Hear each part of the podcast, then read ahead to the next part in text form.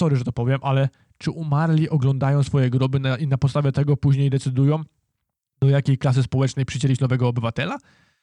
No nie wydaje mi się. Poza tym, czy warto w ogóle inwestować w to miejsce na cmentarzu i to nowe mieszkanie dla człowieka po śmierci?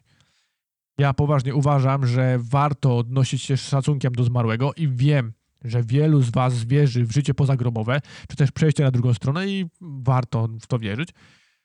Należy upamiętnić zmarłych bliskich, ale czy jest sens na wydawanie tak dużych ilości pieniędzy na kamień, a często na wiele płyt, rzeźby i nawet jakieś grobowe ogródki czy kamienne ścieżki z marmuru?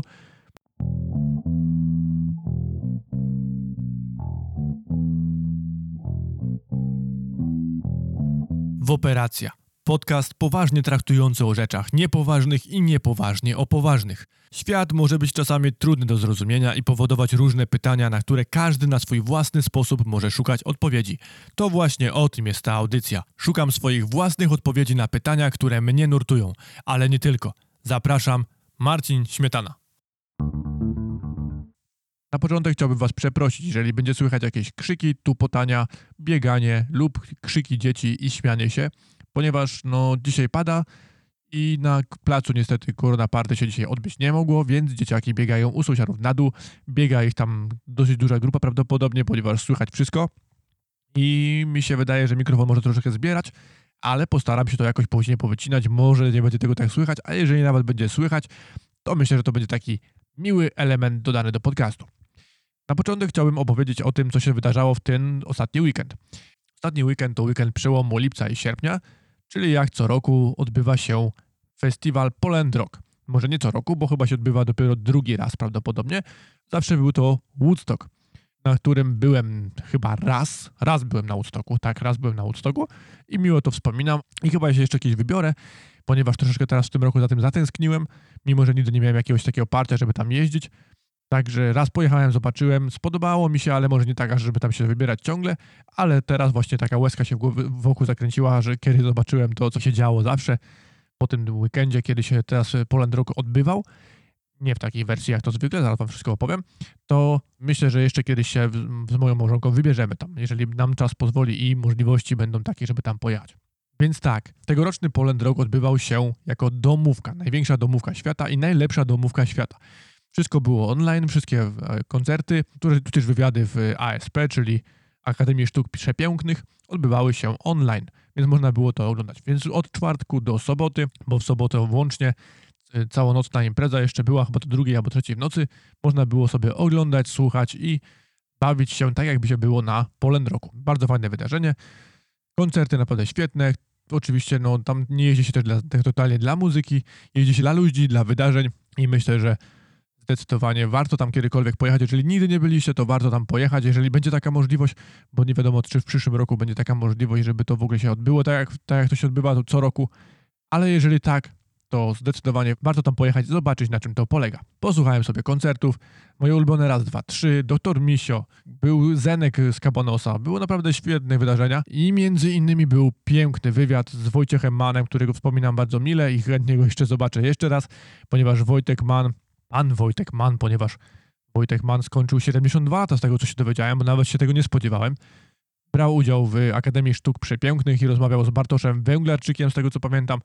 I bardzo fajny wywiad dał i bardzo ciekawie się go słuchało, bardzo miło się go słuchało. Mówił też dużo o radiu, o pracy w radiu, o tym, czy warto zostać redaktorem, bo pytania też takie były, czy warto zostać radiowcem. Mówił też sporo o Radiu Nowy Świat. Jak zwykle odpowiadał w sposób bardzo komiczny i wesoły, i tak jak on tylko to zawsze to potrafi. Dlatego warto się zapoznać i też było, jeżeli jesteś podcasterem, było też dużo wartości takiej, które możesz wykorzystać w swoim podcaście, więc myślę, że naprawdę zdecydowanie warto się tym zainteresować. A wywiad możesz na pewno zobaczyć nadal, nie, nie zostanie on usunięty, więc na pewno go gdzieś tam możesz na YouTubie znaleźć, na pewno jest wrzucony w całości, więc zdecydowanie warto się zapoznać z tym wywiadem. Ja się postaram zapoznać jeszcze z resztą wywiadów, bo był tam też jeszcze bo było tam jeszcze sporo naprawdę wywiadów, ale ja niestety ale nie mogłem oglądać wszystkich, ponieważ no, wywiady i ASP odbywa się do południa, a ja byłem wtedy w pracy. Także zapoznam się z tym na pewno w najbliższej możliwości i Was do tego też zachęcam. Ale przechodzimy do tematu dzisiejszego odcinka. Tytuły, stopnie, dziwne skróty i literki przed nazwiskami. W pewnym momencie zdecydowanie można się tym pogubić i stracić rachubę. Używa się ich w mediach, w szkołach, na uczelniach, są niesamowicie ważnym elementem w wojsku czy w policji i niedopuszczalne jest omijanie ich przy przedstawianiu ludzi związanych z nauką lub kulturą. Nie wspominając już o rozmowie z człowiekiem, który ciężko pracował nad zdobyciem tegoż właśnie przedrostka przed swoim nazwiskiem i imieniem. Zastanawiam się, jak pewnie wielu z Was, nad tym, komu to właściwie jest potrzebne. Czy taki tytuł zapisuje się później na drzwiach mieszkania, czy też pod blokiem, czy taki człowiek wypisuje sobie najczęściej ten 3-litrowy wyraz. Jak to w ogóle traktować?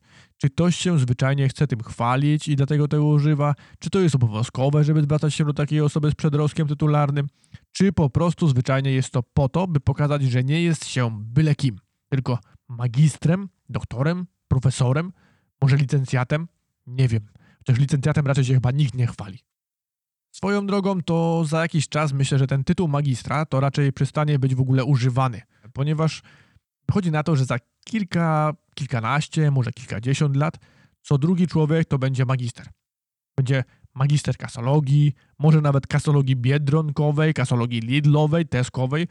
Też z tym teskowym to już raczej nie, bo Tesco znika z Polski, z tego co mi wiadomo i niestety, ale kasjer teskowy nie będzie już istniał. Ale przechodząc dalej. Magister konserwacji powierzchni płaskich. Chociaż już i tak wiadomo, że najczęściej e, taka sprzątaczka to jest druga najważniejsza osoba w każdej firmie zaraz po dyrektorze albo prezesie. Nie da się tej osoby ominąć. Jest to osoba najważniejsza, prawie najważniejsza i trzeba o tym pamiętać. Co wnosi do naszej relacji z drugą osobą taki tytuł, jaki on ma przed nazwiskiem? Czy to tytuł naukowy, czy wojskowy, czy jakikolwiek nie wiem, powinienem może uklęknąć, ukorzyć się, gdy ktoś, gdy się tak przedstawia, może w zupełnie inny sposób prowadzić rozmowę z profesorem, a doktorem inaczej jeszcze, może, nie wiem, może pogratulować, że profesor, kiedy ktoś się przedstawi w ten sposób. Swoją drogą mieliśmy na Politechnice takiego profesora, który potrafił z tobą w ogóle nie rozmawiać, kiedy nie zwróciłeś się do niego per profesorze. Z profesorem tym w ogóle była ciekawa sytuacja.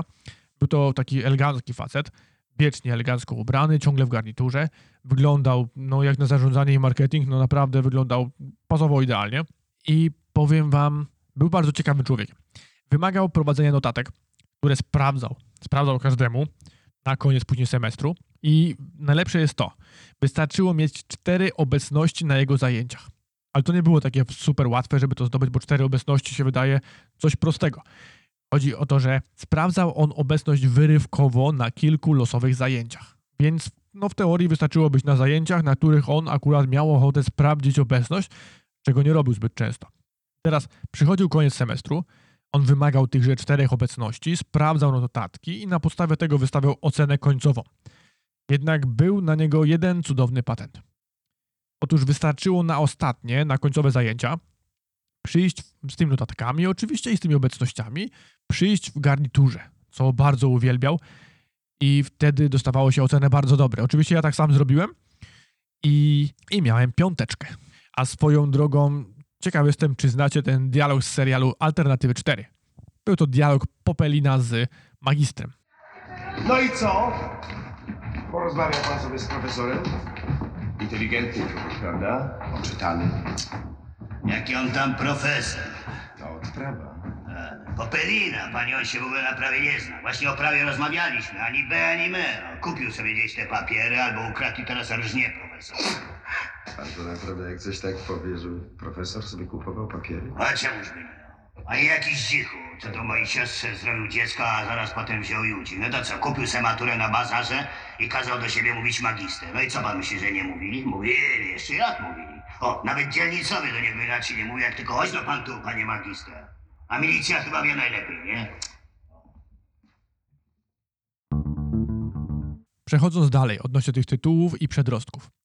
Tyle się mówi o tym, że po śmierci wszyscy jesteśmy sobie równi. Nie muszę wam chyba opowiadać, ale na pewno każdy z was bywa na cmentarzach co jakiś czas, no chociażby raz w roku na wszystkich świętych i na pewno odwiedzacie swoje groby i swoich, swoje to na pewno nie, ale odwiedzacie groby swoich bliskich. A propos swoje groby, pamiętam, że u mnie w mieście jedna kobieta miała swój własny grób i nawet miała na nim zdjęcie i sama przychodziła i sobie kładła kwiaty na tym grobie. Taka ciekawa sprawa. I wielu z was pewnie zwraca uwagę na to, jak wyglądają cmentarze w Polsce. Słuchajcie, jakie grobowce niektórzy sobie stawiają i swoim bliskim, jakie zdobienia, kamienie, A już nie wspomnę o tym, jakiej wielkości są te niektóre tumulusy czy sarkofagi. Myślę, że nie jeden z faraonów by się nie powstydził. Słuchajcie, po co to wszystko? Czy zmarłemu potrzebne jest po- pokazywanie takiego prestiżu, wielkości jego osoby? Sorry, że to powiem, ale czy umarli oglądają swoje groby na, i na podstawie tego później decydują, do jakiej klasy społecznej przycielić nowego obywatela? No nie wydaje mi się. Poza tym, czy warto w ogóle inwestować w to miejsce na cmentarzu i to nowe mieszkanie dla człowieka po śmierci? Ja poważnie uważam, że warto odnosić się z szacunkiem do zmarłego i wiem, że wielu z Was wierzy w życie pozagrobowe, czy też przejście na drugą stronę i warto w to wierzyć.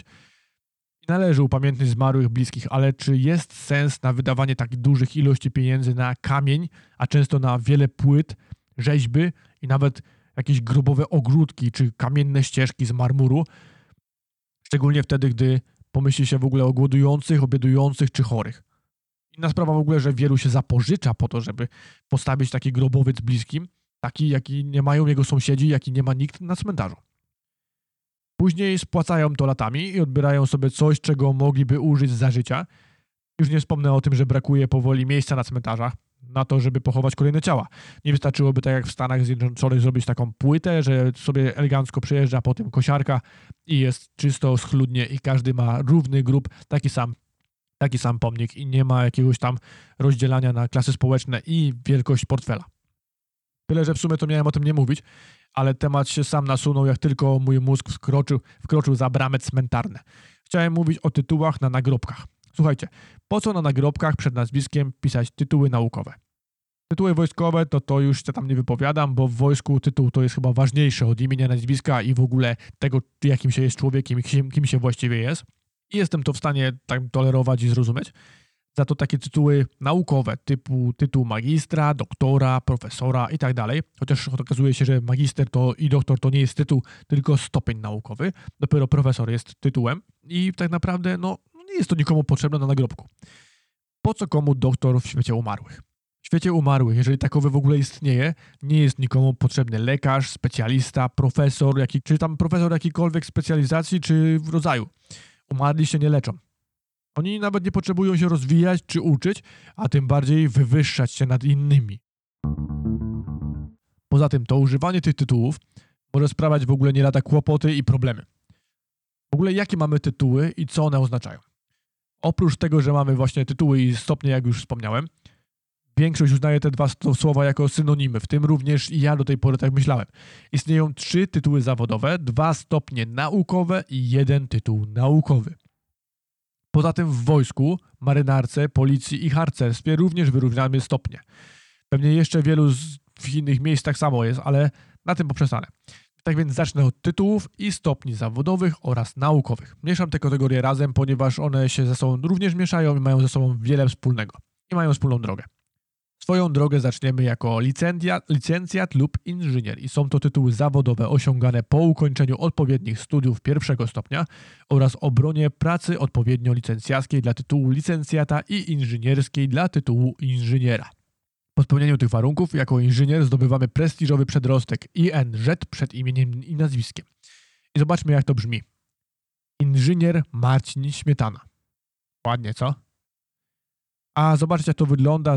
To wystarczy dopisać sobie przed swoim nazwiskiem INZ i niestety ja w podcaście nie jestem w stanie tego pokazać, więc musicie sobie to napisać sami i sobie sami zobaczyć, jak to wygląda. I teraz tak, niektóre dziedziny studiów mają tylko i wyłącznie możliwość uzyskania tytułu inżyniera, a inne tylko i wyłącznie licencjata. Jest jednak kilka kierunków, w których y, istnieje możliwość zdobycia zarówno licencjata, jak i inżyniera.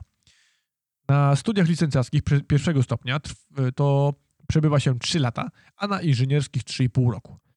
Nie wiem na ile to jest wiarygodne, ale prawdopodobnie pracodawcy bardziej uznają inżynierów niż licencjatów. Nie wiadomo, czy to właściwie chodzi o to, e, tą długość studiów, ale podobno inżynierowie są bardziej atrakcyjne dla pracodawców.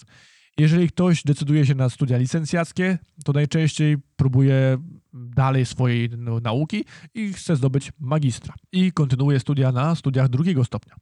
I teraz przejdziemy do kolejnego tytułu zawodowego, który właśnie otrzymuje się po ukończeniu tych studiów drugiego stopnia i obronie pracy magisterskiej. Studia magisterskie trwają najczęściej dwa lata i to jest po ukończeniu licencjatu lub półtorej dla uzyskania tytułu magistra inżyniera. Są jednak wyjątki. E, Chociażby medycyna albo weterynaria, no, słynne kierunki, bo tam latami się studiuje po 6, po 7 lat podobno.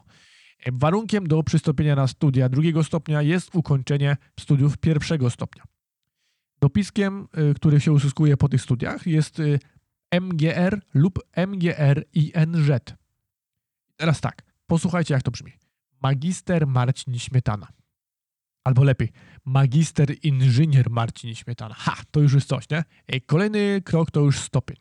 To pierwszy stopień naukowy, otrzymywany po ukończeniu studiów trzeciego stopnia oraz przygotowaniu i obronie pracy doktorskiej. Jest to tytuł doktora. Stopień ten wydaje uczelnia, która posiada odpowiednie uprawnienia.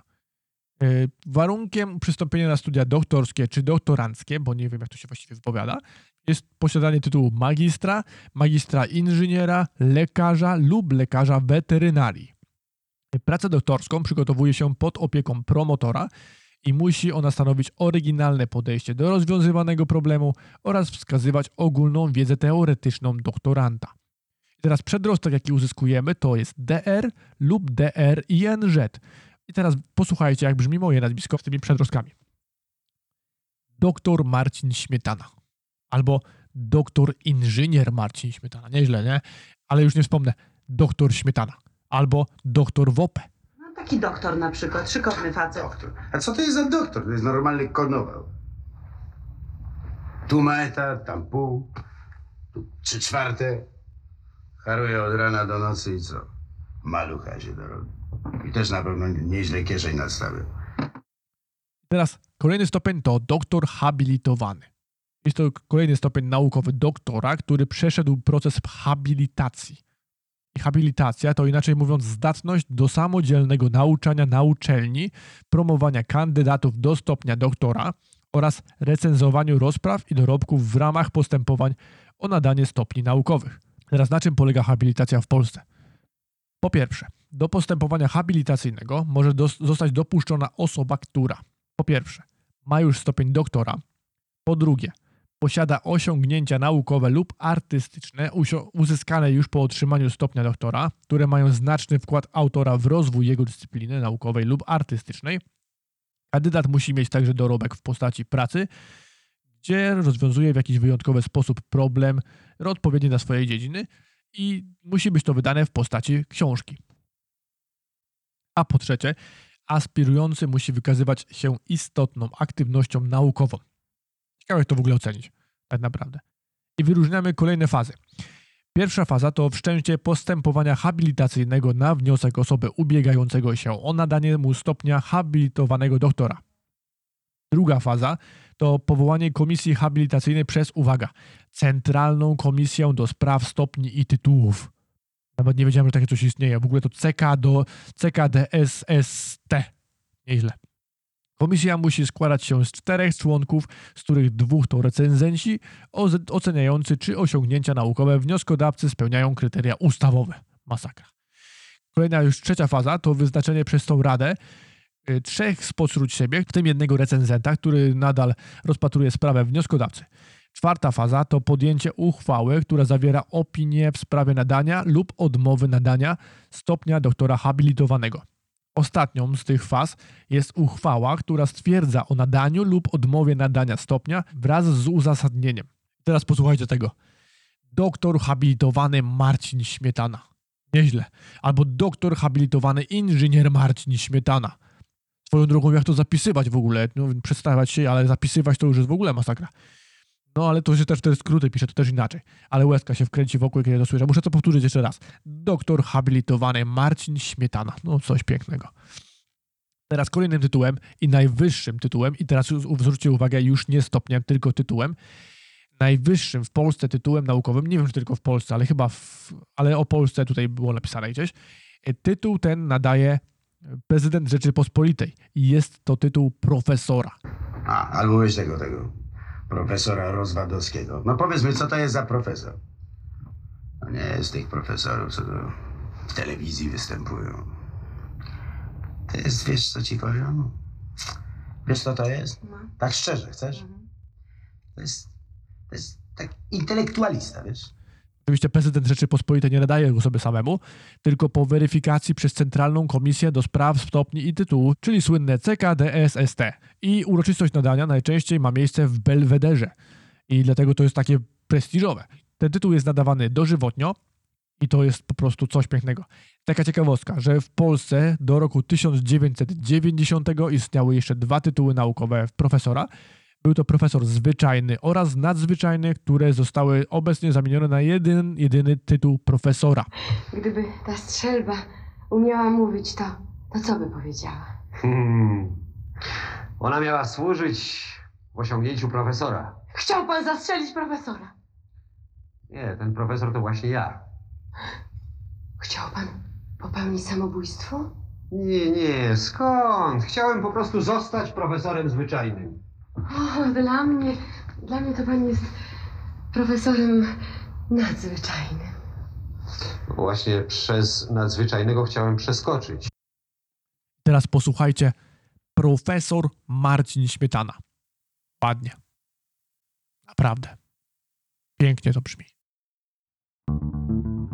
Teraz porozmawiamy o stopniach wojskowych, bo to też bardzo ciekawa sprawa. Zaczniemy od wojsk lądowych i obrony terytorialnych oraz wojska specjalne, bo one mają wspólne te tytuły. Okazuje się, że do 2004 roku mieliśmy stopnie inne, a po 2004 one się zmieniły w ogóle. Niektóre stopnie zostały usunięte, niektóre zostały dodane, więc teraz Wam przeczytam te nowe stopnie, które obowiązują od 2004 roku. I od razu Wam określę, jakie tam znaczki mają na ramionach, na ramionach, ile belek, ile tych gwiazdek, bo tak właśnie można poznać odpowiednie stopnie wojskowe. I teraz tak. Korpus szeregowych. Mamy szeregowego, który nie ma żadnej belki. Mamy starszego szeregowego, który dostaje jedną taką równiutką na dole beleczkę. I później mamy korpus podoficerów. I teraz podoficerowie młodsi, czyli kapral ma dwie beleczki, starszy kapral trzy beleczki i plutonowy cztery belki.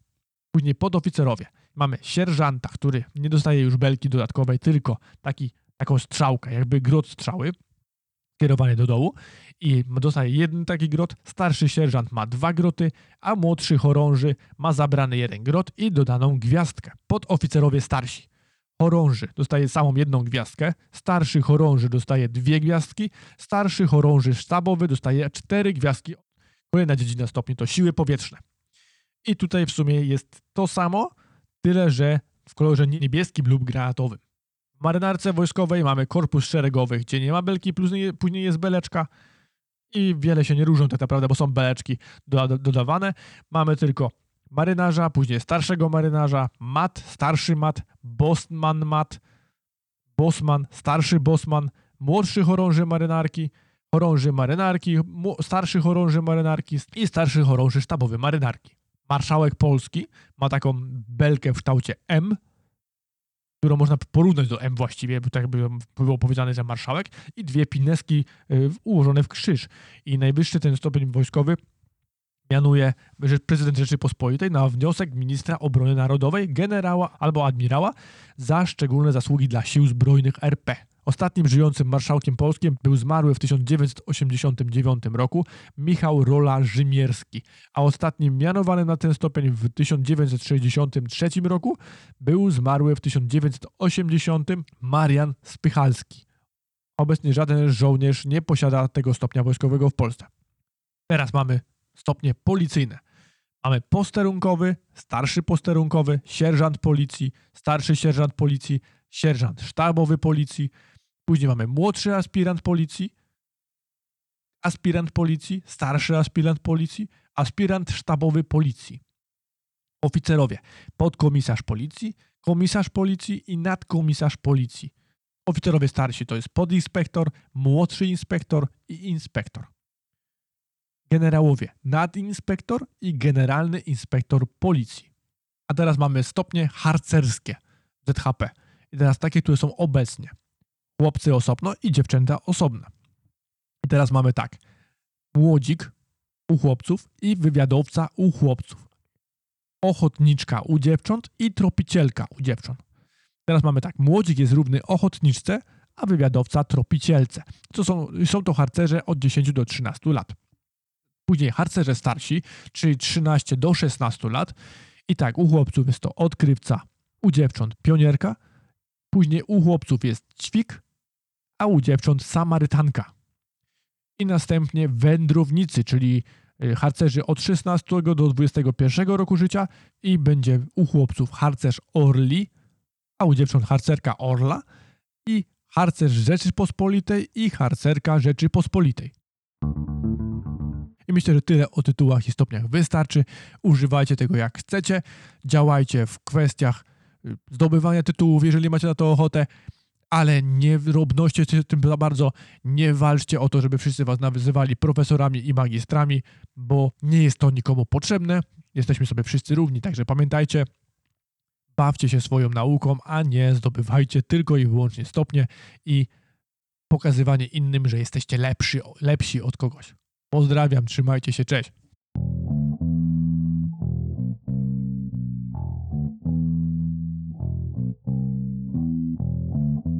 Na koniec, jako że jeszcze tutaj jesteś, chciałbym skorzystać z okazji i zaprosić Cię do dodania oceny i komentarza w Apple Podcast lub Twojej ulubionej aplikacji podcastowej. Te oceny oraz komentarze pomagają mi w dotarciu do nowych odbiorców. Kolejne odcinki pojawiają się w każdy wtorek po 18. Jako, że robię to w pełni za darmo, to największą zapłatą będzie dla mnie wiadomość od Ciebie, co Ci się podoba lub też nie. Możesz to zrobić na moich mediach społecznościowych, Instagramie, Twitterze lub Facebooku. Oprócz tego możesz napisać do mnie maila na adres wooperacja.gmail.com. Czekam na wiadomości od Ciebie i do usłyszenia w następnym tygodniu.